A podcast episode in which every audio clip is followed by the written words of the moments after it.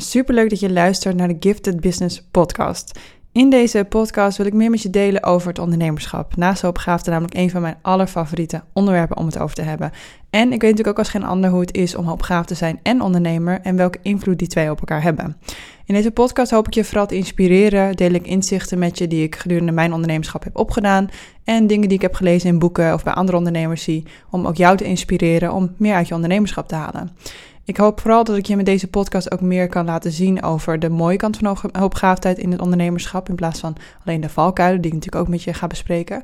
Zodat je ook veel meer gaat benutten van jouw hoopgaafdheid en het ook veel meer kunt gaan inzetten voor jouw ondernemerschap voor mij is ondernemerschap ook het allerleukste wat ik ooit heb gedaan. Dus ik vind het superleuk om daar meer met je over te delen.